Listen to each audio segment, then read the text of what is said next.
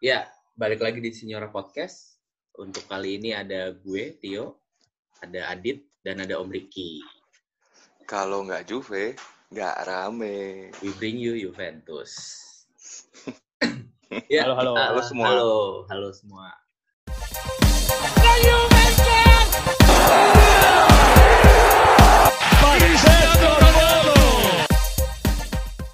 Ah, jadi kita langsung bahas aja nih. Kita bahas Torino dulu aja ya, dikit-dikit aja kali ya. Gimana Ah, tuh ah, Torino? Lord Pinsolio malah kena kartu merah. Wah, nah, Pinsolianya sih nggak gitu masalah lah. Dia kan apa ya? Dia, dia dapat kartu merah nggak dapat kartu merah juga nggak akan main anyway sebenarnya. Iya kan? Kan dia Lord. Iya, iya. Iya. Jadi ya itu mah nggak terlalu masalah lah. Eh, apalagi kemarin aja Buffon turun lawan Barca eh, Oke lah ya. form banget gitu. Nah, Oh, main ya, gitu Torino tuh gimana menurut tuh? Dit? sebenarnya Torino juga nggak bagus. Eh golnya juga fluk kan. 15 Bola menit akhirnya semua. Eh, nggak, maksudnya golnya Torino kan fluk kan. Oh iya. Eh, apa bola liar dihajar masuk gitu. Nggak, nggak Nah. emang nggak bisa ketol, susah lah gitu ya. Mm. Eh, mainnya juga nggak bagus juga gitu. Cuman Hmm. memang ya Juve-nya juga jelek gitu. Golnya pun juga bener-bener apa ya lebih ke kemampuan individu aja gitu. Ada sedikit hokinya tuh dua-duanya proses golnya mirip kan. Iya, Jadi iya. emang kebetulan Cuadrado kan musim ini menjelma nih jadi Mr. Assist. Ya Iya, betul, betul. biasanya kan sem- se- semusim tuh cuma dua tiga kali lah gitu. Sisanya gosok voucher gitu kan. Iya, iya. nah tiba-tiba sekarang gacor gitu. Nah kemarin emang menurut gue dua-dua dua gol uh, McKennie sama Bonucci ya emang tiba-tiba Cuadrado ya asisnya pas mereka berdua posisinya pas defendernya Torino juga kebetulan kacrut gitu ya hilang gitu.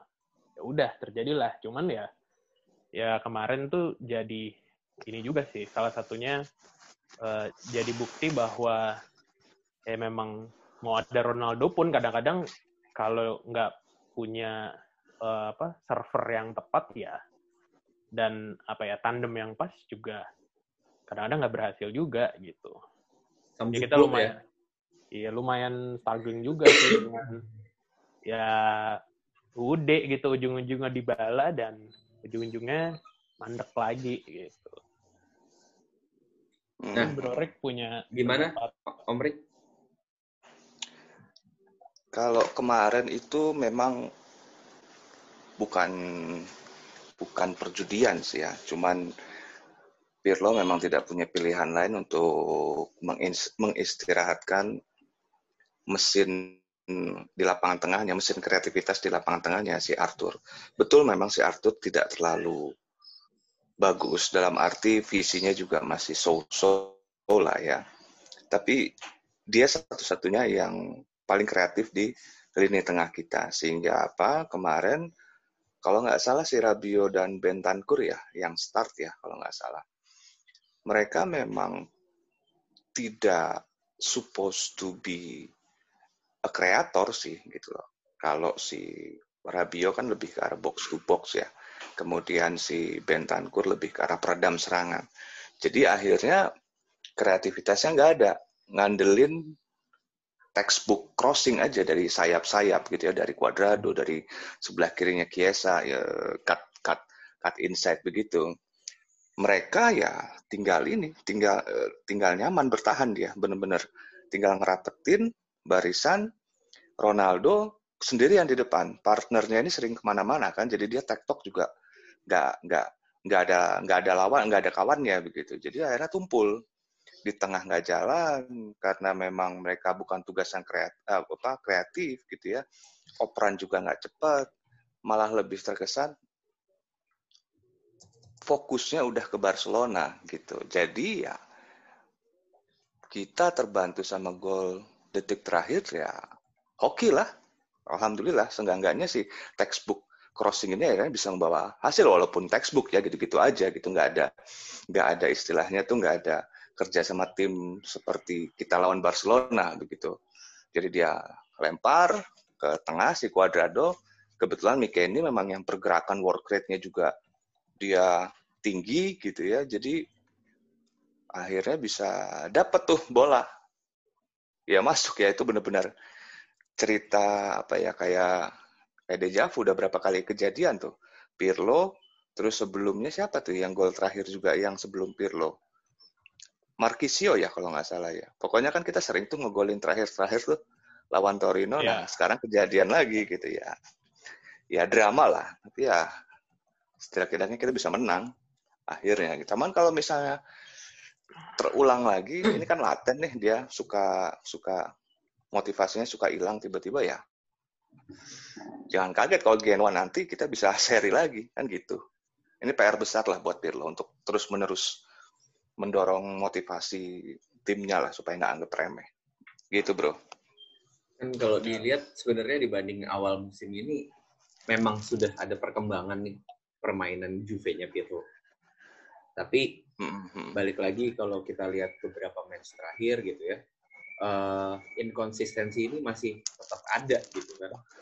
Betul. Gimana ketika uh, ketika misalkan lawan Benevento bisa seri, terus lawan Torino juga main jelek, tiba-tiba lawan Barcelona main bagus banget. Gitu. Hmm. Ya nggak banget, nggak banget lah. Ketolong Barcelonanya jelek juga. Gitu. Sebenarnya apa sih yang masih harus dilakuin sama Pirlo buat ngejaga konsistensinya? Gimana Om Rick? Gini, kalau untuk ngejaga konsistensi itu memang harus terus-menerus berlatih. Itu mah dalam setiap lini kehidupan ya harus seperti itu. Menjaga konsistensi itu memang harus terus-menerus berlatih, terus-menerus fokus terhadap tujuan dan kemudian pada saat pelaksanaannya harus determinasi tinggi sehingga akhirnya apa? Kualitas itu akan keluar secara maksimal. Itu mah udah semua uh, semua semua lini kehidupannya seperti itu. Sama kayak misalnya Juventus dia harus harus terus menerus ini dalam hal ini operan operan dari kaki ke kaki. Caranya untuk membuka pertahanan lawan itu kan salah satunya dengan operan cepat kan. Nah, operan cepat ini hanya bisa terrealisasi dengan maksimal di lapangan yaitu dengan berlatih apa uh, pada hari-hari sebelumnya, pada hari latihan itu yang harus terus-menerus di di dimaksimalkan begitu dan ya jangan jangan jangan sampai si Pirlo juga kehilangan motivasi ketika melawan tim kecil dengan cara misalnya menempatkan Cuadrado menjadi back uh, tengah misalnya atau sengaja dulu ya Bapak memberikan kesempatan Bernadesi untuk terus-menerus bermain padahal trennya dia lagi menurun gitu ya. Nah, sikap-sikap apa istilahnya ya, coba-coba seperti ini ini yang yang yang harus bisa diminimalisir. Boleh kita harus apa melakukan sesuatu yang berbeda gitu. Tapi kalau misalnya menimbulkan kontra, maksudnya kontraproduktif gitu ya, ya buat apa? Nah, yang yang yang jadi keluhan Pirlo kan justru itu sebetulnya. Dia harus melakukan itu karena tidak dapat precision yang yang yang cukup gitu. Itu itu alasannya dia. Jadi ya kalau balik lagi ke pertanyaan yang Tio, apa yang harus dilakukan? Ya itu latihan aja terus menerus latihan itu. Dan untuk ke depannya sih, kalau gue, gue pribadi sih punya keyakinan ini akan semakin bagus gitu loh. Operan cepat ini, ini ini, ini kuncinya. Kayak misalnya Arthur, dia itu dulu tidak tidak tidak tidak bagus karena memang dia terlalu lama hold up ball. Bagus memang untuk untuk ball possession ya, tapi tidak membuka pertahanan lawan. Lawan keburu nutup kan. Coba kalau misalnya dia cepat ininya, oper-opernya. Lawan juga bingung antisipasinya. Akhirnya apa ya Barcelona berantakan itu. Padahal mereka juga nggak jelek-jelek amat kan Barca. Gitu bro. Ya, Dit, ya. gimana Dit? Gue sebenarnya punya, iya, gue punya teori yang nggak tahu nih nyambung atau nggak ya sama pendapatnya Om Rek ya. Uh, eh, gue setuju nih. Jadi emang keistimewaan dari Arthur tapi juga sekaligus jadi kadang-kadang jadi titik lemah dia adalah karena dia jago nahan bola gitu ya.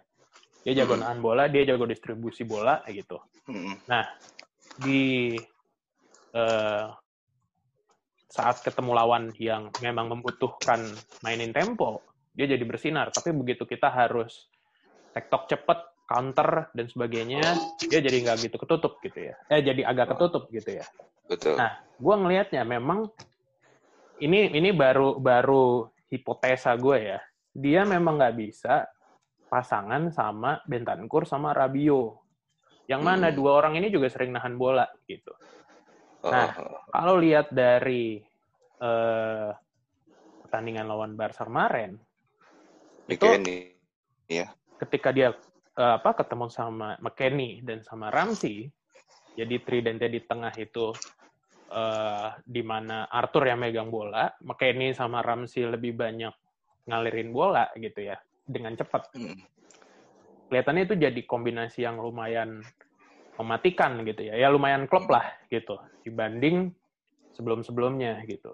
Soalnya yeah, gue iya. ngeliat yeah. kalau Rabio sama Bentancur tuh memang ya Bentancur memang dari sejak zamannya masih zaman Allegri aja kan sering jadi ball holder kan ya. Iya, yeah, iya. Yeah. Rabio juga dia bukan ball holder tapi dia uh, uh, bukan nahan bola tapi dia lebih banyak ngegoreng box gitu. Ya, iya benar, bawa gitu. Bukan hmm. tipe hmm. yang ya kalau dulu nih modelnya Marquisio gitu. Dia dia uh. dia lebih pinter in terms of kapan nahan bola, kapan ngelepas bola, kapan terima bola gitu. Mm-hmm. Jadi kayaknya uh, lumayan ini ya, lumayan ya tre, apa itu itu gue mencoba hipotesa dan menganalisa. Masuk akal sih bro, uh, masuk akal karena Miken ini memang pergerakannya bagus banget memang kemarin itu. Betul. Kenapa, Masuk akal sih. Kenapa jadi klop banget nih Hmm. Ini kan ya ini kita ini ya gue yakin nih pendengar uh.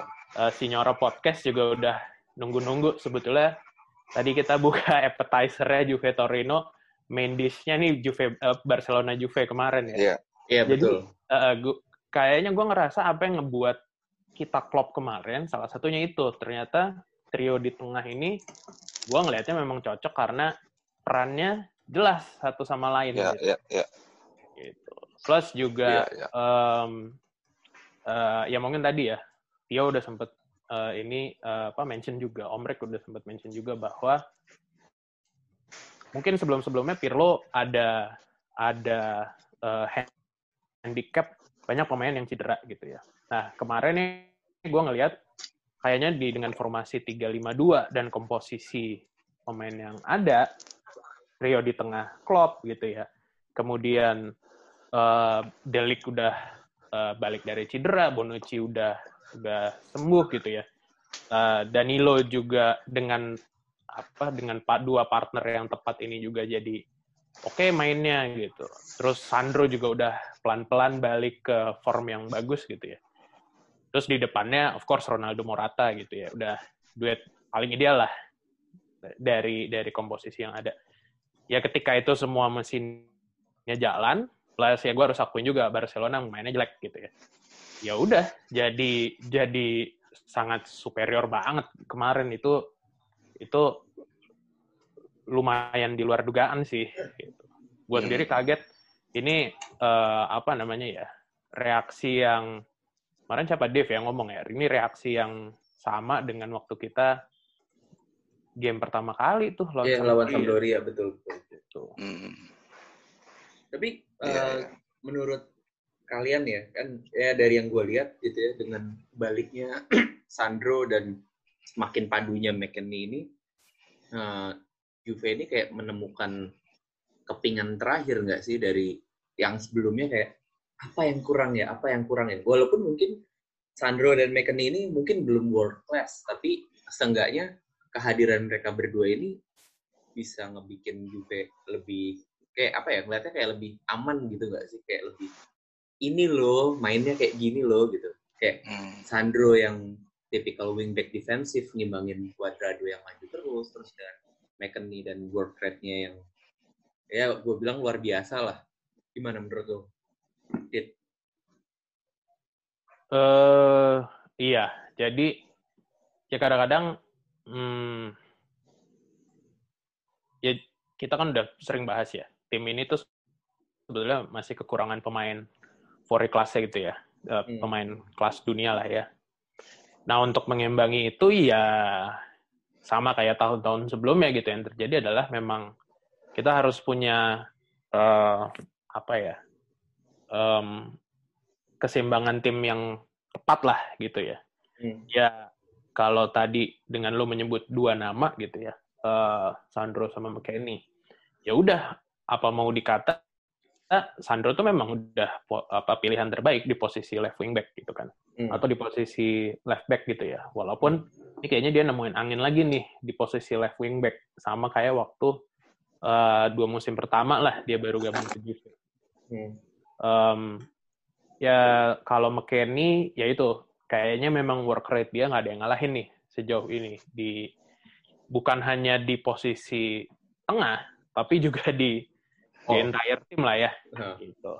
Jadi gue ngelihat memang jangan-jangan memang balik lagi ke hipotesa gue tadi jangan-jangan memang Arthur harus ditemenin sama gelandang-gelandang yang seperti itu gitu. Yang pinter dan cepat mengalirkan bola mau gerak terus gitu ya. Antara McKennie yang punya work rate tinggi sama Ramsey yang industrious banget kan gitu. Hmm. tipikal gelandang Inggris lah ya yang industrious. Nah sama gue ngelihatnya memang ya itu the benefit of memainkan masing-masing pemain sesuai posisinya gitu. Ya Sandro di left wing back uh, Cuadrado walaupun sebetulnya itu masih belum posisi ideal dia di right wing back gitu ya kemudian tiga pemain tadi di sesuai role-nya tiga pemain tengah tadi sesuai role-nya masing-masing gitu ya. Jadi kayaknya yang benar-benar di luar posisi itu kemarin ya yang nggak di posisi naturalnya beneran hanya Danilo aja gitu. Ya, itu Dan pun, itu pun ber, udah berhasil gitu ya. Ya, gue ngelihatnya memang dia masih juga angin-anginan, tapi kalau dia dapat apa namanya uh, tim yang pas gitu ya, atau apa namanya uh, rekan-rekan yang pas di belakang gitu ya, sebetulnya dia bagus gitu. Gue ngeliatnya memang dia yang paling belum cocok sama Demiral sih. Ketika dia main hmm. sama Bonucci sama Delek tuh um, apa trennya bagus gitu. Kalau Kiel ini kayaknya karena dia paling jarang main ya, jadi belum terlalu kelihatan nih. Dan emang faktor ku juga kan. Iya benar ya udah. Sorry ya fans Kiel ini. udah Cuman kayaknya memang kapten kita udah udah susah balik ke form ini ya gitu. Dan um, ya ini ini sering terjadi sama pemain-pemain tua ya.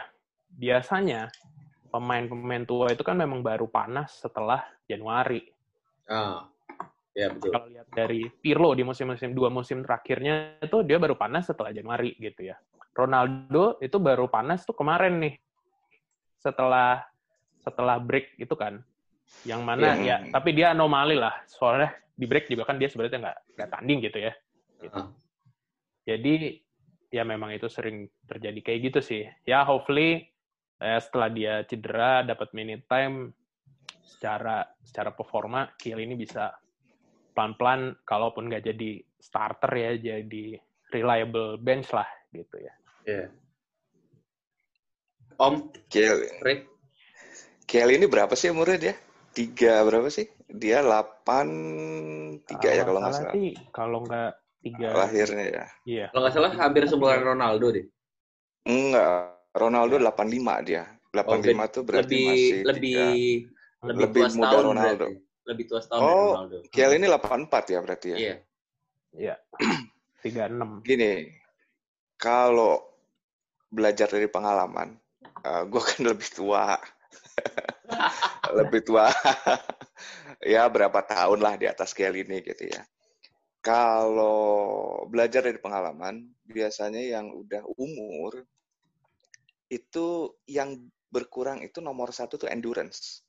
Jadi ketahanan dia dalam beraktivitas gitu. Jadi bukan berarti dia nggak kuat misalnya kalau di gym tuh ngangkat beban gitu ya. Bukan berarti dia nggak kuat gitu. Bukan dia nggak berarti nggak nggak bisa sprint gitu. Enggak tapi endurance. Kalau yang anak-anak muda umur belasan tahun, umur 20 tahunan, itu endurance-nya lebih lama gitu.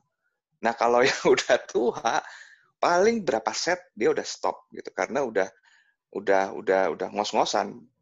Walaupun dia bukan perokok gitu, tapi tapi memang dia ngos-ngosan gitu. Makanya patut diancungi jempol si Ronaldo.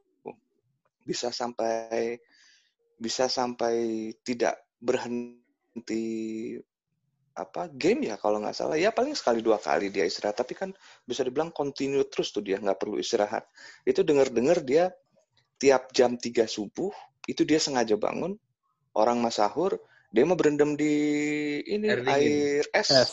Ya. air es ya air es berendam terus langsung habis itu renang segala macam segala macam. Sampai akhirnya ya lihat itu kok apa stamina nya waduh benar-benar top notch deh dia mah. Tapi memang dia memang butuh kayak begitu ya. Itu kan ya. lututnya ya. itu kan memang sudah cedera parah. Jadi memang dia butuh 6 sampai 4 jam kalau nggak salah baca untuk menyembuhkan lututnya itu gitu. Jadi ya, bentar, bentar, bentar. Jadi memang ya itu kalau misalnya Berarti kalau Bang Roma bilang begadang itu apa jangan begadang, uh, Ronaldo tuh justru begadang ya. Iya, begadang dia. Apa jam 3 subuh langsung berendam air dingin. Orang mah pijat kali ya, buset dia mah. Jadi Langsung salah Bang Roma tuh bilang begadang nggak ada artinya tuh Bang Roma si Babe. Ya, ya gitulah. Nah, ya, uh, apa sedikit review tentang Barca. Secara general, gue sih ngelihatnya betul memang Barca dalam kondisi menurun begitu ya setelah terakhir terakhir dia kalah lawan lawan Cadiz gitu. Tapi toh kita juga sering blunder, sering sering nggak maksimal ketika lawan-lawan tim yang jelek. Benevento kan jauh di bawah kualitasnya dibanding Barca, tapi terbukti kita apa, anti klimaks begitu. Dan pada saat lawan Barca pun kita bukan dalam kondisi maksimum. Lini tengah juga masih bongkar pasang dan pemain-pemainnya juga kayak si McKennie itu kan bisa dibilang raw talent banget. Tidak tidak ada CV yang bagus lah buat dia untuk ditaruh di tengah lapangan melawan giant seperti Barca begitu. Jadi intinya kita kalau dilihat head to head samalah kayak Barca. Barca nggak bagus, kita juga nggak nggak nggak bagus-bagus amat. Mungkin kita nggak urutan sembilan. nggak urutan ke sembilan tapi kan kita dapat itu apa menang WO oh, iya. lawan Napoli kalau misalnya kita kalah belum tentu ya kan? Grafiknya juga kita lagi nggak bagus. Lawan Benevento kita seri lawan Torino kita detik terakhir bisa menang. Jadi intinya sama aja lah. Plus dia punya Messi yang yang yang bisa dibilang semua tim itu pasti ketakutan lawan Messi gitu. Dan memang kemarin terbukti benar. Kelebihan kita bukan kelebihan. Kredit buat kita kalau menurut gue ada tiga. Pirlo, Ronaldo, sama Alexandro. Ini Alexandro nih apa sekalian bahas pertanyaannya Tio barusan.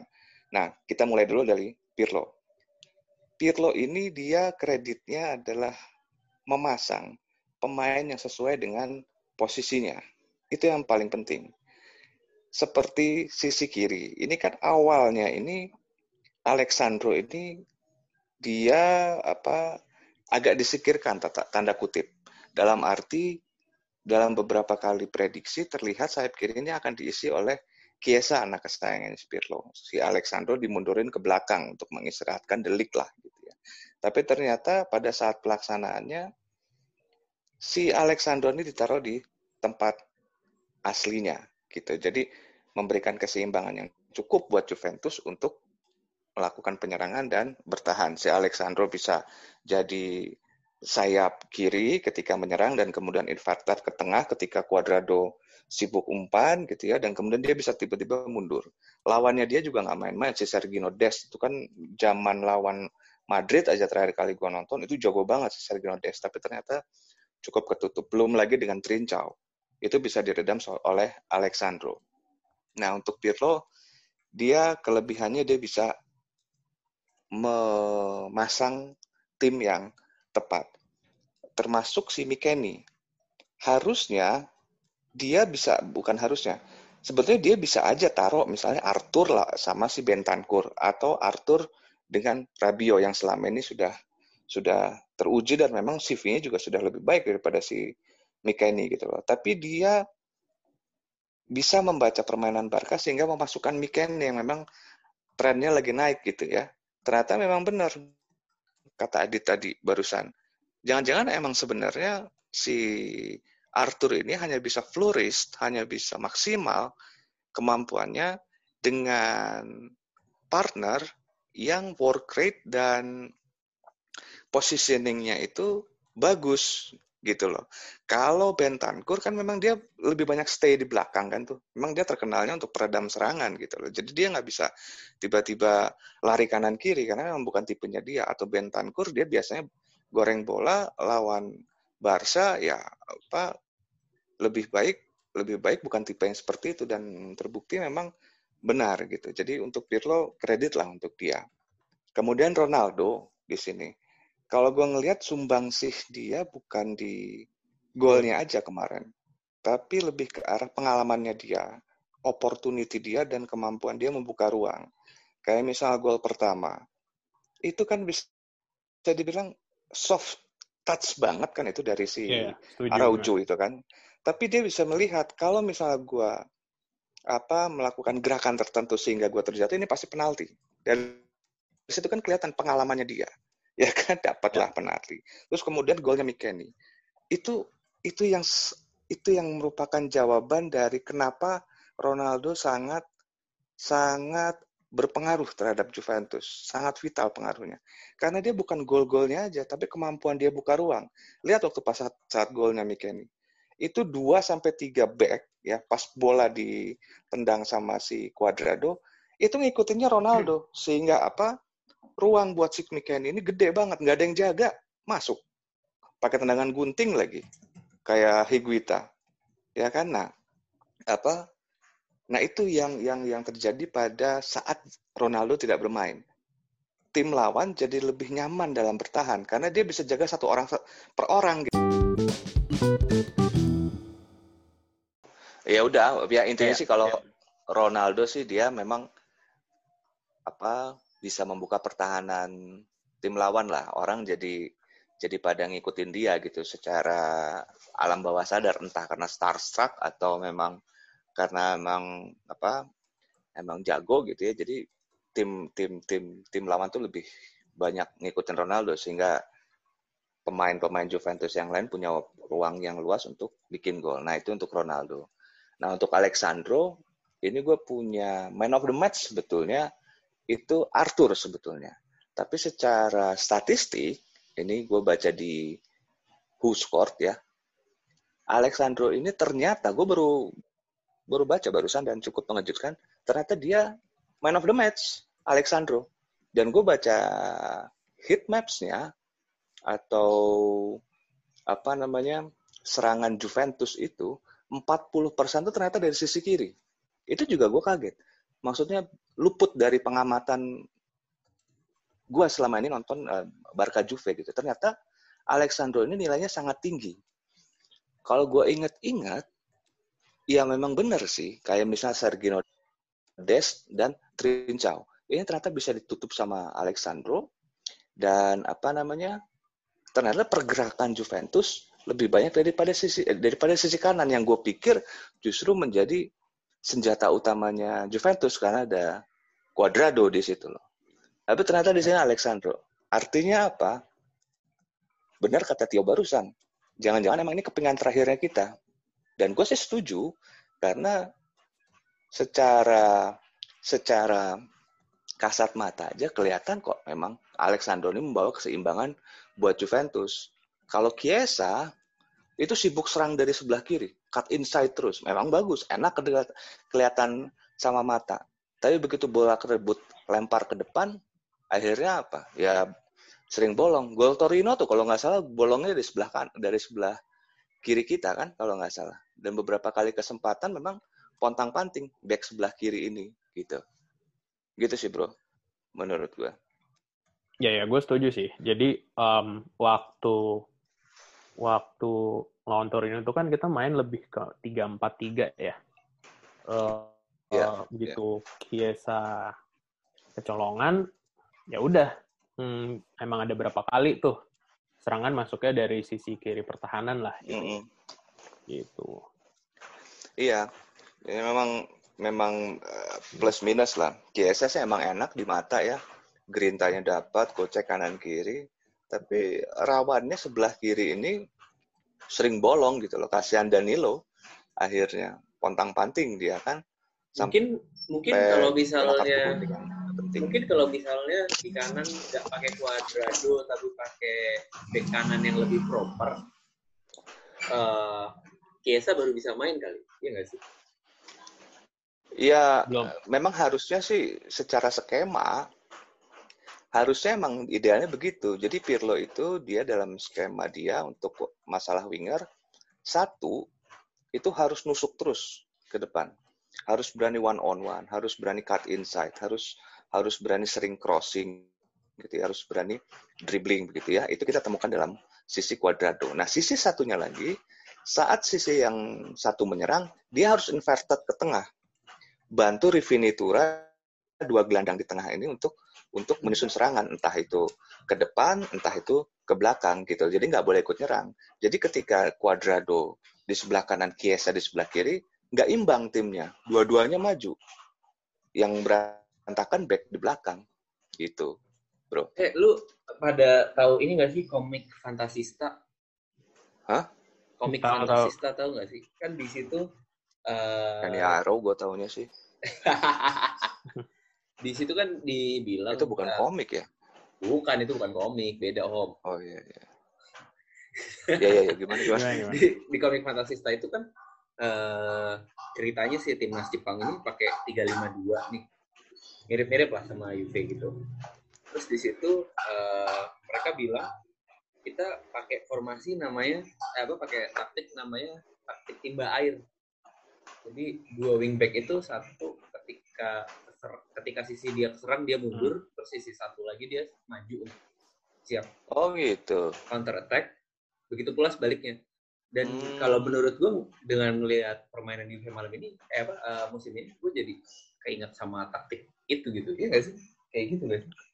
Ya sebenarnya itu yeah, yeah. bukan bukan apa ya bukan barang baru juga sih dari zaman Conte itu sebetulnya dia udah menerapkan itu gitu uh, mainly karena uh, misalnya ya contoh di musim pertama memang dia punya dua gelandang yang secara teknik eh sorry dua wingback yaitu Lex Steiner sama De Cegli yang mana mereka nggak punya skill yang terlalu bagus tapi punya work rate yang sangat tinggi untuk maju mundur maju mundur gitu. Eh, Jadi ketika... udah lama nggak dengar nama itu. Samoa sih sebenarnya dia zaman dulu. Iya, nah itu uh, Samoa, Samoa kan, kan di musim kedua. Uh, uh. Nah, hmm. itu kemudian digantikan sebenarnya musim pertama De Cegli atau ini Estigarribia gua waktu itu. Estigarribia, iya iya. Estigarribia. Nah, Ke mana tuh orangnya? Oh, udah. Udah jadi eh. mafia kali. Iya, udah nggak tahu lagi. Parah gue ya kalau dia ya. Anyway, Terus ya musim depannya, ya musim depannya datanglah Asamoah dengan uh, work rate yang sama bagus, if not lebih tinggi, tapi skillnya juga bagus gitu. Di tapi kan Asamoah aslinya juga bukan wingback. Kan? Betul, nah, dia aslinya Asamoah. ya gelandang kiri nah. dia sebetulnya atau tengah kiri gitu. Posisi Marcisio nah, lah sebenarnya. Ya, nah ketika itu, ketika Lex Steiner maju, dan De Cegli atau Asamoah tuh nahan Begitu pula sebaliknya ketika Samoa maju, Big Steiner nggak terlalu maju, dia agak nahan di sebelah kanan gitu. Khususnya karena uh, formasi tiga back-nya tuh juga uh, sangat ini di mana Bonucci juga sering sedikit maju ke tengah kan. Jadi si dua dua center back antara di Cekli atau Barzali yang sering tinggalan di belakang atau sebaliknya di Cekli yang ini. Anyway, ya sebetulnya um, formasi apa sih itu tadi timba air ya itu sebetulnya uh, skema timba air itu juga bukan sesuatu yang baru sih gitu. Cuma memang kemarin ini mungkin jadi sedikit kecolongan karena di kanan Cuadrado yang memang lebih jauh lebih bagus nyerangnya. Nah di kiri itu Kiesa belakangan sering lebih sering main gitu ya dibanding Prabota. Yang mana Prabota memang nggak terlalu nyerang lah gitu. Nah, dengan hadirnya si Alexandro ini menurut gue ya memang jadi ya itu tadi kepingan yang ngebuat uh, tim tuh lebih balance di luar dari McKenny tadi ya, sosok McKenny sama Ramsey yang ngedampingin si Arthur gitu. Nah, sekarang kalau ditanya ya tadi uh, man of the match-nya man of the match-nya Bro Rick siapa tadi? Arthur, tapi Arthur. itu si Arthur, ya, versi versi Omrik. Iya, kalau gua selama ini nggak terlalu bagus aja sih. Nah, kalau gue kesulitan nih ya. untuk gue kesulitan untuk menentukan siapa man of the match-nya karena uh, antara Sandro kemudian Cuadrado sama menurut gue justru yang kalau dipilih tiga nih deh kalau kalau gue nggak bisa milih man of the match tapi kalau dibilang tiga paling atas menurut gue Sandro Cuadrado sama Buffon. Ini yang mungkin kita belum bahas nih dari tadi. oh iya Buffon top perform ya. banget sih gue sebenarnya juga gue juga lupa sebenarnya kenapa emang Sesni cedera ya? Enggak, emang diistirahatin aja. aja. ya? Oke ya mungkin karena udah last match juga kali ya gitu. Ya ini sebenarnya tidak berpengaruh ke taktik tapi ya udah nggak bisa dipungkiri memang di depan kita punya cyborg di belakang kita punya Superman gokil banget sih untuk ya, umur 42 Yohi. Nah, Gal Gadotnya siapa tuh? Ya. Gadotnya Bernadesi kan, pesolek. Iya, itu memang nggak bisa di ini sih. Kemarin tuh kita juga lumayan ketolong sama Buffon karena di posisi masih 1-0 dan di 2-0 dia berapa kali bikin penyelamatan yang ya sebetulnya kalau dibilang uh, shotnya Messi itu gokil-gokil banget nggak juga. Tapi nggak terlalu kenceng tapi sangat terarah ke kiri sama ke kanan gitu ya. Dan cukup krusial. Mm -hmm. Jadi di posisi kita, tuh belum terlalu aman gitu ya, masih satu 0 masih dua 0 Dia bikin dua tiga save lah yang yang sangat krusial. Kemudian in total dia lagi. Hmm, in total dia nyelamatin tujuh atau tujuh, tujuh. Ya tujuh itu semua dari Messi kan ya. Uh. Kalau nggak salah ada ada yang ini kemarin yang bikin shot on goal tuh cuma Messi doang semuanya ah. tujuh tujuhnya dan semuanya ketahan sama Buffon gitu. itu anyway, ada narasi ya ya gimana ya anyway gue sih ngelihatnya uh, kemarin ya di McKennie bagus Cuadrado bagus Sandro bagus uh, Ronaldo juga bagus gitu ya unfortunately kemarin yang agak kurang itu adalah menurut gue Morata ya Cuma menurut gue secara pergerakan oke okay lah dia bisa bisa narik beberapa pemain. Itu contohnya di golnya McKennie itu Ronaldo sama Morata tuh lumayan narik pemain tuh gitu. Jadi gue malah kalau gue ya, gue malah seneng ketika ngelihat beberapa pemain bagus sampai gue nggak bisa milih man of the match siapa gitu. Iya, itu lebih baik daripada satu orang iya. doang yang bagus. Dibanding, wah Ronaldo top nih dua gol apa hat trick gitu ya. Gue lebih suka kayak gini sih sebenarnya. Gitu. Oh iya, balik lagi mengenai Sandro yang Sandro dan McKennie yang ternyata uh, jadi apa puzzle terakhirnya Juve musim ini. Dan uh, ketika kita ngomongin Mercato yang ya taruhlah tinggal tiga, dua minggu tiga minggu lagi apakah um, pen, mendatangkan seorang bek kiri untuk melapis Sandro itu lebih penting ketimbang mendatangkan uh, gelandang tengah gimana Dim? Kalau ditanya prioritas ya, sebenarnya hmm. prioritasnya masih banyak sih, bukan cuma di kiri, di tengah. Gue malah merasa prioritas utama itu adalah dan ini udah lumayan beredar lah ya kabarnya khususnya di Twitter gitu ya adalah Juve nyari penyerang untuk uh, backup Morata.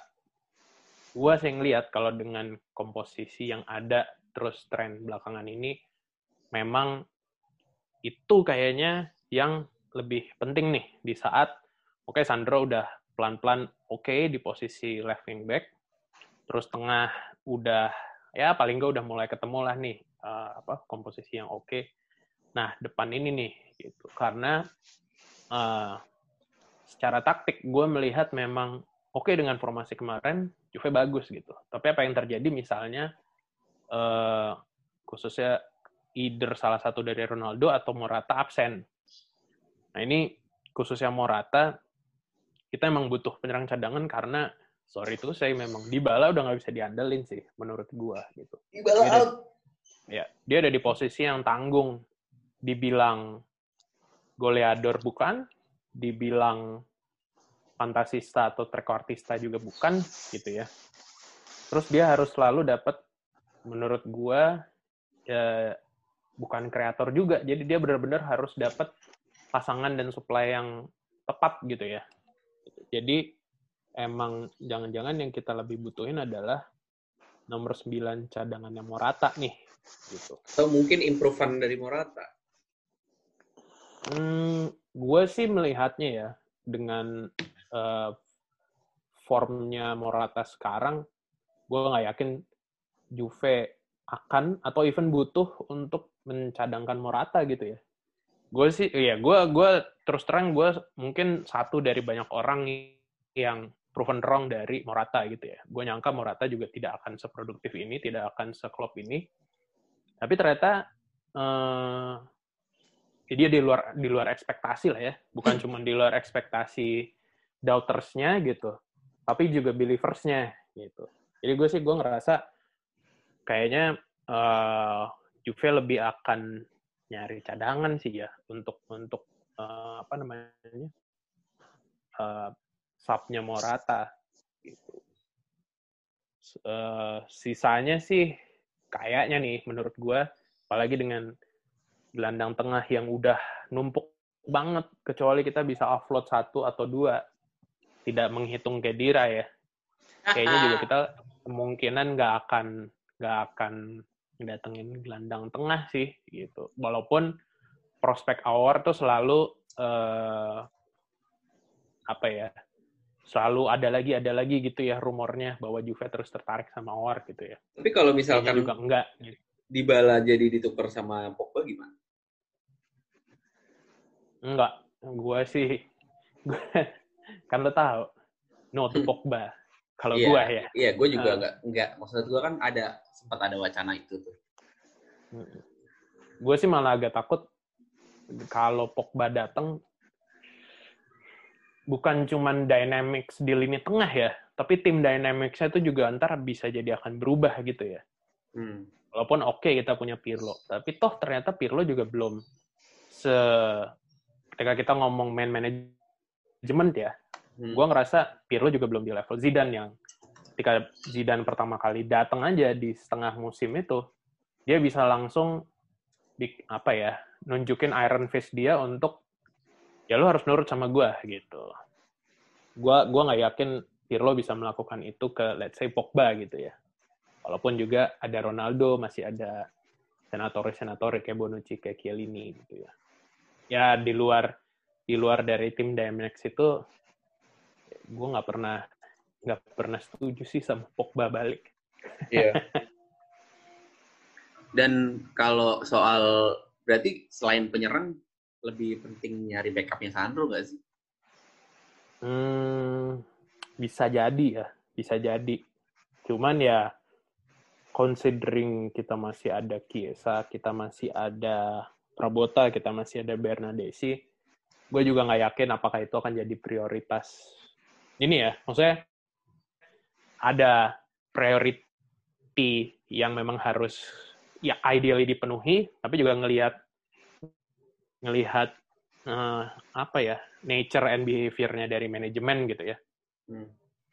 Gue nggak yakin kita bakal ngedatengin siapa-siapa di luar dari penyerang penyerang depan itu. Uh -uh. Siapa, menurut lo?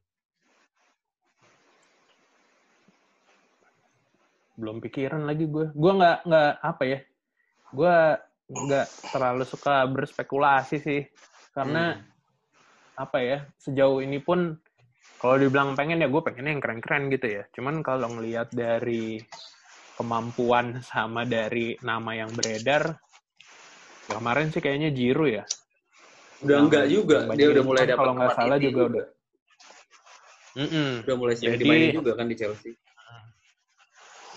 saat ini sih gue nggak punya preference or ini sih. Mungkin Om Ricky ada ada ada preference? Gimana Om Ricky? Uh, kalau sisi kiri sih kayaknya kita udah cukup. Si Sandro kan backupnya ada Frabota dan Kiesa ini kan dia bisa cover kanan kiri. Belum lagi dengan Bernadesi. Itulah alasan kenapa kita berani ngelepasin wonderkid Luca Pellegrini ke Genoa gitu. Jadi untuk sisi kiri sih kayaknya sih nggak akan ada yang masuk lagi. Dan kalaupun mau masuk paling yang di depan untuk untuk cadangan si Morata. Kalau gue kemarin baca-baca ada satu profil sih yang menarik dan gratis. Ini Hulk dari Shanghai Senzua. Dia kan orang Brazil, teman baiknya Sandro sama Danilo. Umurnya juga udah tua, 34 Siapa? tahun. Hulk Paraiba, oh, Hulk. Hulk Paraiba. Hulk. Eh, eh. Si Hulk. Nah, uh, dia ini teman baiknya Sandro, teman baiknya Danilo, orang Brazil kan, kenalan juga pasti sama si Arthur. Apa terkenal cepat, terkenal kuat, dan tua, jadi nggak perlu terlalu gede gajinya, plus gratis. Jadi kalau menurut gue, why not dia diambil gitu ya. Kalau Manzukic, ya gue juga nggak ngerti kenapa nggak pernah ada gosip mengaitkan kita dengan dia karena sebetulnya sih bagus juga sih untuk jadi bola pantul kan dia. Sementara Jiru tetap ada kemungkinan karena memang walaupun dia sering dimainin belakangan, tetap aja kontraknya gantung. Jadi kita bisa beli. Cuman belum tentu manajemen akan mengeluarkan uang gede untuk beli gitu. Makanya kenapa gua games up sama si Hulk gitu. Untuk pertukaran di bala Pogba, sih uh, kita emang terburu waktu. Karena kalau misalnya tahun depan baru direalisasikan keburu terlambat. Karena kontraknya si Dybala ini kan habisnya 2022 ya. Tahunnya kalau misalnya tahun depan di tahun depan eh, di apa kita nunggu sampai tahun depan takutnya telat dan memang Pogba juga sekarang sudah benar-benar kayak mau melepaskan diri lah dari United. Walaupun slight chance, kecil kemungkinan, tapi patut ditunggu nih, apakah pertukaran di bala Pogba ini akan terjadi. Kalau gue pribadi sih gue nggak mau Pogba balik lagi setelah drama yang dia ciptakan dulu lah gitu ya. Exactly. Dan di MU juga dia menciptakan drama lagi kan? Iya drama. Gue paling nggak demen sama pemain-pemain drama sih gitu ya. Tapi kalau misalnya kita melihat objektif, apa tangan terbukanya si Paratici gitu dan kemudian komentar-komentarnya si Rayola ya ada kemungkinan apa operasi mendatangkan Pogba menukar di bala ini akan terjadi. Mungkin Januari ini mungkin mereka nggak perlu ngeluarin uang jadi cuma straight swap aja gitu loh saling tukar aja. Mungkin ada beberapa apa ada nilai yang bisa ditambahkan salah satu pihak kita nggak tahu tapi intinya ada kemungkinan seperti itu. Walaupun gue pribadi sih nggak nggak nggak. Eh maksudnya dengan dibala ya? Iya. Swap sama dengan dibala. Iya. Dengan dibala. Kalau gue pikir sih kalau gue sendiri pengennya coba kasih waktu dibala untuk untuk menemukan formnya kembali karena nggak nggak nggak dipungkiri dia sudah banyak sekali memberi kok buat Juventus kemarin juga dia kan pemain terbaik nggak nggak nggak main-main prestasinya dia gitu loh apa toh si Bernadesi juga akhirnya bisa melewati tren negatif itu. Jadi mudah-mudahan si Dybala juga bisa mengembalikan formnya. Cuman memang masalahnya kontraknya ini yang masih stall, yang masih ketunda-tunda gitu. Dia minta 15 kan itu kita nggak mampu gitu. Dan sebetulnya iya. Pogba ya. juga 15 sih setahun itu gajinya. Nah, jadi ya. kalau misalnya dia datang ke sini ya pasti harus turun juga nggak mungkin 15-15-nya, mungkin kayak Morata nurunin kan. Tapi kita nggak tahu apakah Pogba, atau, Pogba mau atau tidak. Jadi ya kita tunggu aja nih nanti Januari. Ada kemungkinan sih bakal ada straight swap tuh. Kayak begitu. Karena kan benar-benar luxury ya, jadi yang dibalas sebagai cadangan, ya kan? Iya. Benar-benar. Feeling, feeling gue juga mengingat gajinya itu ya. Dia minta gaji iya. dua kali lipat kan dari iya, iya. sekarang. Iya. Gue sih sangat, menurut gue sangat tidak mencerminkan apa yang dia punya dengan ini ya untuk dua kali lipat gitu. Iya. Gua menurut gue di ya. iya benar kan menurut gua eh, satu itu juga akan akan mengubah ini tim gitu ya eh, apa ya harmoni tim eh, apa namanya um, dengan Ronaldo aja dia kan udah gajinya mungkin empat kali lipat dari dari pemain-pemain yang lain ya atau bahkan pemain tertinggi which is dibalas sendiri mungkin ya, ya tapi tertinggi delete sorry. Oh sorry, delik ya, 8 sorry. juta. Benar, udah delik ya. Berarti Ah, kayak Oh, sekitar, delik 8 juta. iya, hampir empat kalinya gitu kan. Hmm. Eh, tapi ini Ronaldo gitu. Di luar Ya. dari marketing value yang dia punya, ya memang dia udah proven kok gitu di di eh, apa namanya dua musim terakhir dia bisa ngapain gitu. Nah ini dengan dengan dibala yang angin-anginan, terus performanya kayak gini, kalau sampai dinaikin sampai dua kali lipat sih, gue yakin bakal ada satu dua tiga pemain yang jengah juga gitu ya. Pasti, Nah. pasti. Hmm. Di satu sisi kalau misalnya dia tidak dinaikkan, dia juga pasti mendingan dia cabut gitu. Gue sih ngerasa, gue sih ngerasa ya kayak yang Om Ricky bilang tadi ya, slim chance lah untuk itu terjadi ya, tuker gitu. Iya. Walaupun ada aja, cuman menurut gua gua nggak yakin di balanya sendiri mau mau keluar gitu aja. Eh, kalau Pogba mungkin akan lebih tertarik gitu ya, karena dia karena dia bener-bener udah jadi quote unquote buangan di MU gitu. Iya. Bala posisinya beda, dia memang cadangan tapi dia belum buangan nih kalau di MU gitu ya. Eh sih, sorry di Hmm. Juve. Nangis gue nanti. Eh, Oh iya. gitu. Em, balik lagi kan eh, Juve akhirnya bisa jadi juara grup di UCL ya eh, setelah sempat kalah di pertandingan pertamanya. Terus di Serie A pun eh, kita nggak jelek-jelek amat lah. Masalahnya akan ada dua match beruntun nih yang melawan tim yang sama-sama nggak apa namanya nggak bisa dianggap remeh lah termasuk salah satunya pekan tengah pekan depan di lawan Atalanta gitu. Nah, em, menurut tuh dengan permainan yang kita tunjukin lawan Torino, lawan Barcelona yang kadang bagus banget, kadang biasa aja, kadang malah kurang. Apakah pertandingan melawan Genoa sama Atalanta ini kita udah bisa melihat Juve yang sebenarnya? Hmm, hmm, ya nanti kita lihat ya. Soalnya masalah utama, menurut gua, masalah utamanya kan balik lagi yang kita bahas tadi ya, konsistensinya itu kan. eh Oke, Pirlo kemarin disanjung-sanjung jadi em, pelatih pertama yang belum pernah kalah di debutnya selama 10 match gitu ya.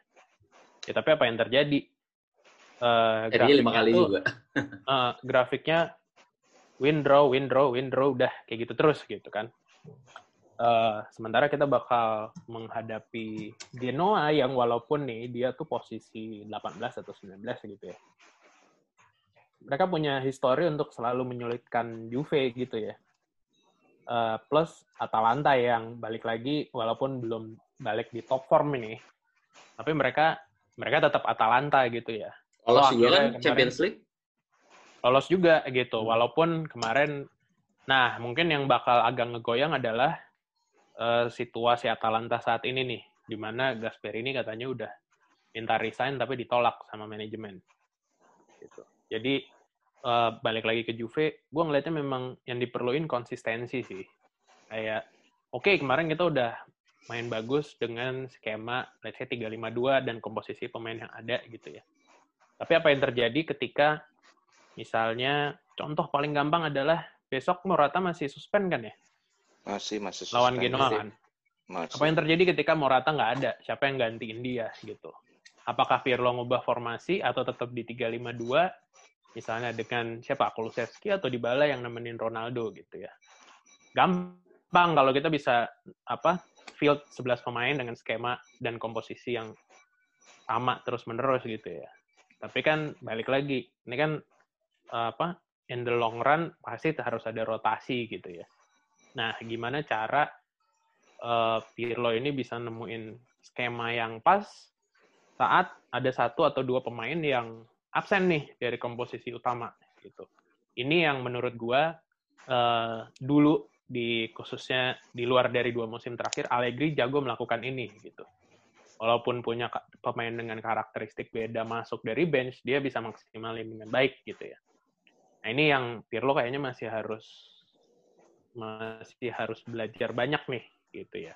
Pirlo dan staff lah ya, karena gue juga ngasih kredit ke Tudor sama Baronio gitu. Jadi gitu sih, kayaknya um, konsistensi itu yang gue pengen lihat dimulai dari Genoa besok. Gitu. Om Rick, gimana Om Rick? Kalau untuk Genoa, dia ini kan lima pertandingan terakhir di Serie A ini kan kalah mulu tuh. Dan mereka tuh selemah di sisi sayap dan disiplin. Jadi asal kita bisa main sesuai dengan pakem, nggak apa-apa lah rotasi, tapi pakemnya udah jelas gitu ya, kita bisa menang. Itu satu. Kemudian kedua, Arthur. Dia harus bisa oper cepat seperti saat lawan Barcelona. Karena pertahanan lawan ini bakal cepat nutup, cepat rapat kalau misalnya kita kebanyakan hold up ball. Utak-atik, utak-atik, keburu nutup dia. Nah, menangnya Pirlo zaman dulu, itu lawan belum sempat nutup pertahanan, dia udah keburu oper ke depan. Banyak yang lolos kan akhirnya. Kayak waktu pas lawan Parma gitu tiba-tiba nongol Listeiner dari sebelah kanan gitu karena dia cepat sekali dalam berpikir si Pirlo dan kemudian timnya juga apa mengerti pola pikirnya si Pirlo gitu loh. Nah, ini juga begitu. Kalau untuk lawan Genoa, Genoa asal asal kuncinya kita bisa main sesuai pakem dan operan cepatnya itu. Jalan rasanya sih nggak ada masalah gitu.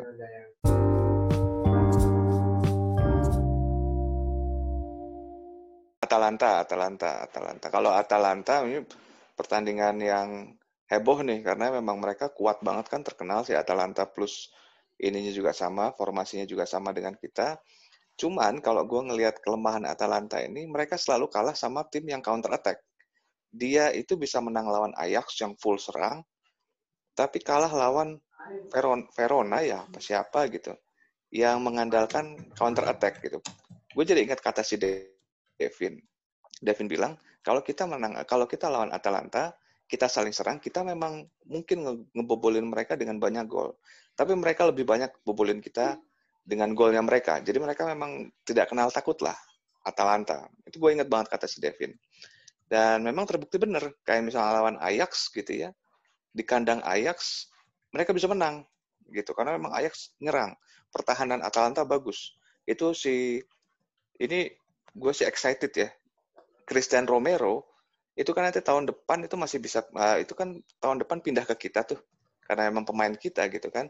Nah sekarang matang dia di Atalanta. Posisinya persis kayak Bonucci, isi di tengah, isi di tengah di antara tiga back gitu. Jadi menarik nih lawan Atalanta. Asal kita tidak keasikan menyerang dan bisa lihat peluang untuk counter attack, rasanya sih kita bisa menang. Gitu bro. Hmm. Oke, um, jadi sebenarnya uh, kalau menurut lu, Om Rik, kapan kita udah nggak deg-degan lagi kalau nonton Juve tanding? Oh, Juve mah selalu deg-degan dong, selalu deg-degan kalau Juve mah. Da, karena memang sepak bola kan emang siapa yang bisa duga gitu. Ya bukan maksud Asal, gua ketika uh, maksud gua uh, kapan kita bisa lihat tuh mainnya udah mulai asik. Uh, Oke. Okay. Mulai apa ya? mulai nggak apa ya nggak nggak bikin nggak naik turun gitu ya, ya nggak mulai konsisten lah kan sebelumnya Om Rik bilang pas pertandingan lawan Barcelona pertama kemarin tapi ternyata hmm, kita malah hmm. ambul-ambul yeah. tuh kalah dua kosong yeah, yeah. iya iya iya ya sebetulnya sih sama seperti masukan uh, sama seperti pendapat yang dulu gitu ya wajah kita tuh sebenarnya kelihatan waktu pas saat lawan Barcelona itu, yang pertama itu. Hmm. Banyak orang yang termasuk gua, termasuk gua marah-marah gitu Barcelona eh, kita lawan Barcelona berantakan banget. Tapi kalau dipikir-pikir lagi, kita itu ngebobolin tiga gol loh ke Barcelona sebetulnya. Dua gol lah. Cuman kalah milimeter, cuman kalah sentimeter, cuman kalah berapa sentimeter gitu. Kan uh, offside-nya VAR. Nah, hmm. kayaknya wajar deh orang kalau udah ngebobolin dan merasa dirugikan tanpa penjelasan yang tepat gitu ya. Maksudnya kalau VAR itu kan baru bisa kelihatan benar apa salahnya setelah kita ngelihat fotonya. Sementara kalau di lapangan kan nggak bisa ngeliat tuh. Itu kan pasti menurunkan ini tim kan semangat tim kan. Itu yang membuat akhirnya Juventus berantakan. Tapi mukanya sih udah kelihatan dari zaman itu. Untuk konsistensi memang butuh waktu. Tapi kalau muka sudah kelihatan sebetulnya dari sejak si Barcelona itu pemilihan timnya seperti apa kecuali mungkin si Arthur Bentancur gue ingat waktu itu. Jadi Pirlo pikir dia harus bisa menahan lini tengahnya Barcelona dengan menempatkan uh, duo yang kuat pertahanannya. Tapi ternyata setelah berjalannya waktu dia punya pemikiran lain, lini tengah harus dikontrol. Makanya dia masukin si Arthur gitu ya. Jadi untuk konsistensi seperti yang gue bilang tadi tergantung dari latihan ya. Maksudnya harus harus harus apa istilahnya ya?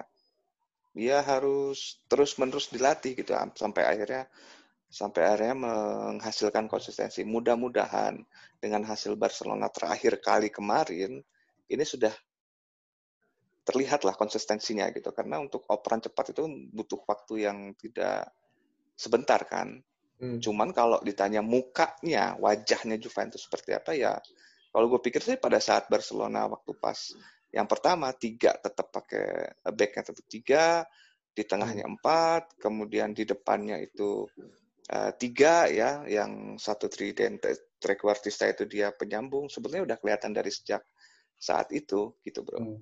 Oke, okay. oke okay. terakhir nih ya sebelum kita tutup kan tantar tanggal 14 itu bakal ada uh, drawing buat 16 besar. Uh, dan ada dua tim Italia yang jadi runner up tapi kita nggak bisa ngelawan Atalanta sama Lazio. Menurut eh, tar, tar, Yang satu lagi ke mana? Kan nggak lolos. Oh, Dasar gitu. kelas, men. Iya, iya, iya. Dua balik aja nggak lolos.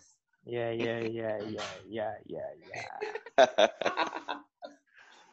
Oke, uh, jadi kan yang lolos tuh uh, ada Atletico, Mönchengladbach, Porto, Sevilla, sama Leipzig. Kita nggak bisa ketemu Atalanta, Lazio sama Barcelona kan di 16 besar ini. Mm. Nah, dari lima tim itu menurut lu Om uh, mana yang paling gampang, mana yang paling susah? Kalau gue sih preferensi nomor satu buat ketemu tuh Sevilla. Uh. As, uh, yang terakhir yang paling dihindari itu Atletico. Karena Atletico itu walaupun langganan golnya si Ronaldo tetap aja permainannya apa ya fisik banget gue takut ada ada cedera segala macam hmm. jadi apalagi Felix lagi gacor banget ya iya iya lagi lagi ini banget si Sevilla lah Sevilla yang paling yang paling preference lah kalau misalnya Leipzig ya kemarin gue nonton lawan ya, MU lawan MU mereka tuh pengalamannya kurang banget kelihatan. Makanya MU bisa kalah itu sebetulnya sayang banget ya. Karena Leipzig juga Leipzig juga nggak nggak nggak nggak terlalu gimana banget sih sebenarnya gitu. Jadi hmm. antara mereka berlima itu pertama Sevilla, kemudian Leipzig. Sisanya ya paling bawah si Atletico itulah. Mönchengladbach nggak masuk gua nggak gua nggak ngikutin Munchen Gladbach apa dia si siapa sih ininya dia pemain uh, anaknya Turam ya kalau nggak salah ya Ya ada. Anaknya ada, Turam ada. ya, anaknya Turam. Nah, ada. Cuman gue nggak begitu ngikutin Munchen Gladbach. Baru kemarin nonton si, si Leipzig aja karena kan RB Leipzig ini pemain-pemainnya bagus-bagus tuh. Gue pengen ya. tahu ininya kayak gimana sih, hype-nya kayak gimana. Ya memang bagus, full semangat gitu ya. Apa apa maju mundur maju mundur gitu tapi kelihatan tidak pengalaman jadi kayak salah oper salah salah salah passing salah salah koordinasi itu sering kelihatan tuh di uh, Leipzig jadi ya kalau gue pikir sih kalau kita ketemu dia mungkin kita bisa lolos kali ya. Jadi prefer satu lagi apa tuh? uh, Porto. Porto. Oh Porto. Kalau Porto ngeri sih bukan ngeri ya. Tapi uh, bukan ngeri ngeri banget ya cuman nggak bisa ditebak uh, ya? nggak bisa ditebak kalau Porto itu karena memang mereka tim-tim asal Portugal itu dia bakatnya bagus banget ya. Suka kadang-kadang mengejutkan. Jadi daripada mengejutkan, mendingan mendingan yang bisa kebaca aja gitu loh. Hmm. Porto ada VLP Anderson juga kan? Anderson ya? Mm -hmm. Ininya ya. Hmm, pulang kampung tuh berarti si Alexandro sama Danio kan? Iya kalau ketemu dia. Mereka kan fullback andalannya Porto ya. tuh zaman dulu. Kalau lu gimana dit dari lima nama ini Atletico, Mönchengladbach, Porto, uh, Sevilla, Leipzig, mana yang lu prefer dan mana yang enggak? Kalau gue sih jelas uh, Mönchengladbach ya, karena hmm, uh, gampangnya dulu deh, gampangnya. Di antara lima yang nggak bisa kita uh, ketemu itu, eh sorry, lima yang kita bisa ketemu itu, mereka paling rendah poinnya. Dari raihan di grup gitu ya. Nggak usah nggak usah dari lima deh, dari delapan nih, termasuk uh, Barcelona, Barcelona, Lazio, Atlanta. Atlanta. Mereka tetap paling rendah gitu.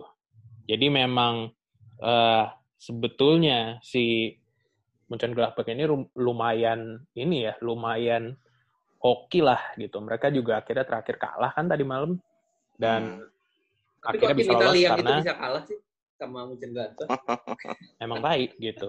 Nah, si Shakhtar sama Merda ini kan draw ya. Karena draw jadi bener-bener sampai kalau bukan karena Lukaku dengan pertolongan Lukaku mungkin Mönchengladbach bisa bisa nggak lolos tuh gitu kan. Hmm. Baik banget ya Lukaku nah, sama Mönchengladbach. Iya, dia memang defender yang mantap sih buat Shakhtar ternyata ya. gitu. Nah, gue sih kalau gue preferensi gue Mönchengladbach karena ya secara tim bisa dibilang paling jelek lah di antara tim-tim yang lolos gitu ya. Kalau ditanya setelah itu siapa, mungkin gue akan jawab uh, either Porto atau Leipzig. Karena dua tim ini ya masih masih di atas Mönchengladbach, tapi gue ngerasa si Mönchengladbach sama Porto uh, sorry, ya sorry, Porto sama Leipzig ini menurut gua bagus, tapi apakah mereka bagus di saat big match knockout?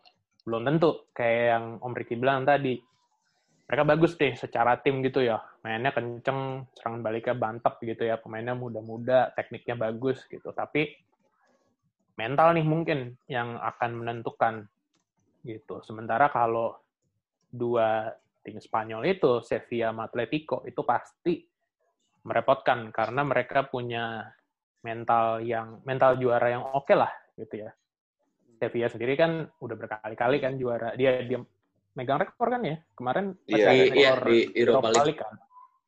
Gitu. Hmm. Jadi paling tidak mereka dua ini tuh udah teruji main di knockout phase gitu. Jadi gue sih menghindari dua tim itu ya gitu.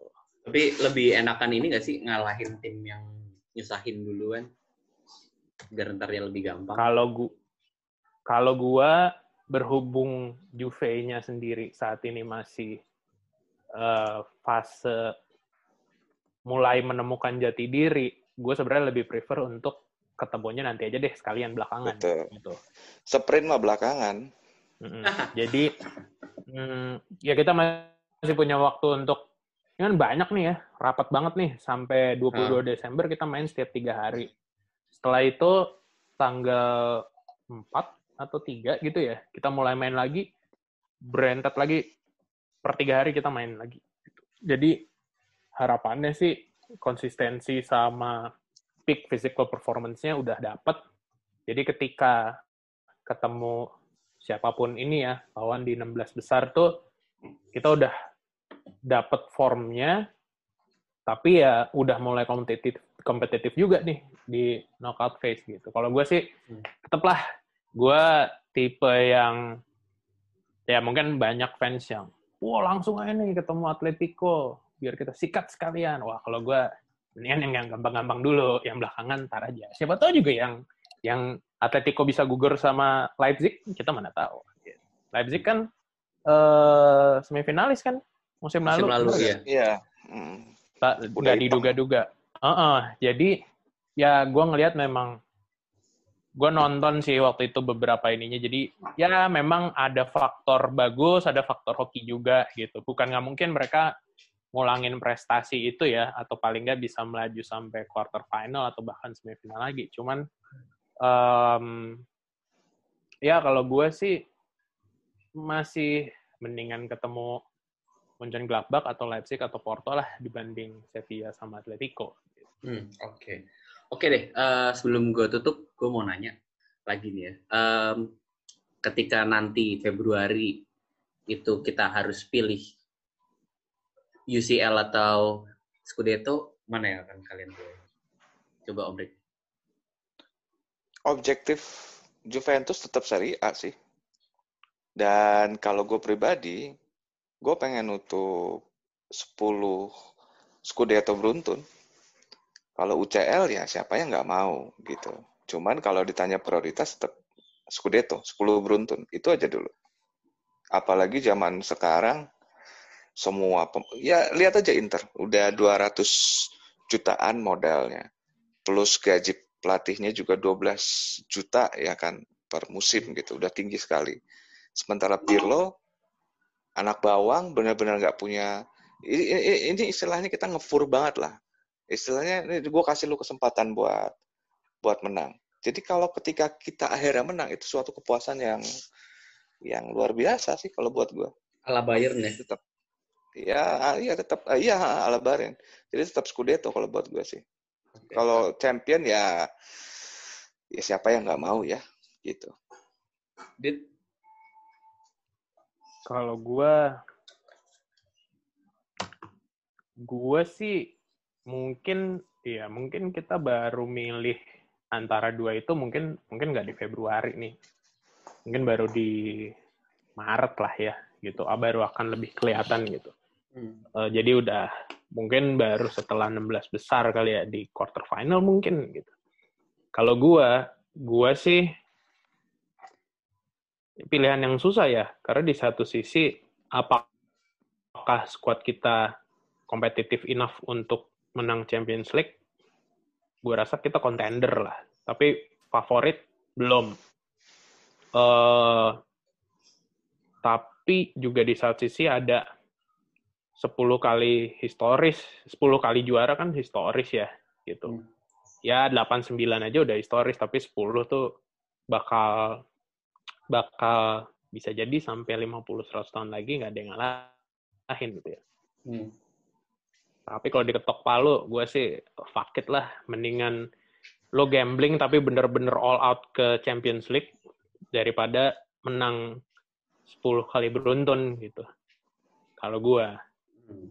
Tapi bener-bener all out gitu. Jangan ya yang selama ini terjadi ya setengah-setengah gitu ya. Karena mungkin kalau ini kita ngomong tahun 2014 15 atau 2016 yang mana kita punya komposisi yang cukup kuat atau sangat kuat untuk meraih treble, bisa lah gitu kita mimpi, mimpi dream big gitu ya. Cuman uh, kalau gue sih kalau suruh milih ya balik lagi gue milih Champions League sih. Selama kita benar-benar all out di situ gitu.